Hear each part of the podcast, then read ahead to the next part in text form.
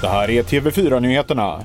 En man i 45-årsåldern bedöms vara allvarligt skadad efter att ha skjutits av polis under ett ingripande i Vimmerby igår kväll. Mannen ska ha gått till attack med ett större tillhygge som träffade polisen i huvudet, varpå polisen avlossade sitt vapen. En förundersökning om mordförsök har inletts och polisens särskilda utredare har kopplats in. Smittspridningen av covid-19 ökar just nu kraftigt på landets äldreboenden. Förra veckan registrerades drygt 3 000 fall inom äldreomsorgen. Nästan dubbelt så många som två veckor tidigare. Det rapporterar Svenska Dagbladet. Det är dock enligt Folkhälsomyndigheten inte aktuellt att återinföra besöksförbud eller andra restriktioner i äldreomsorgen.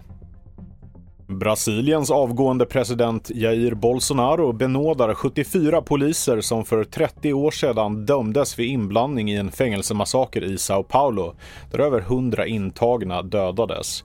Poliserna, trots att de dömdes, har levt fritt tack vare flera överklaganden, men benådas nu alltså helt.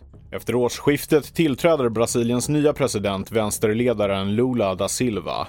Mitt namn är Felix Bovendal och mer nyheter hittar du på tv4.se och i appen.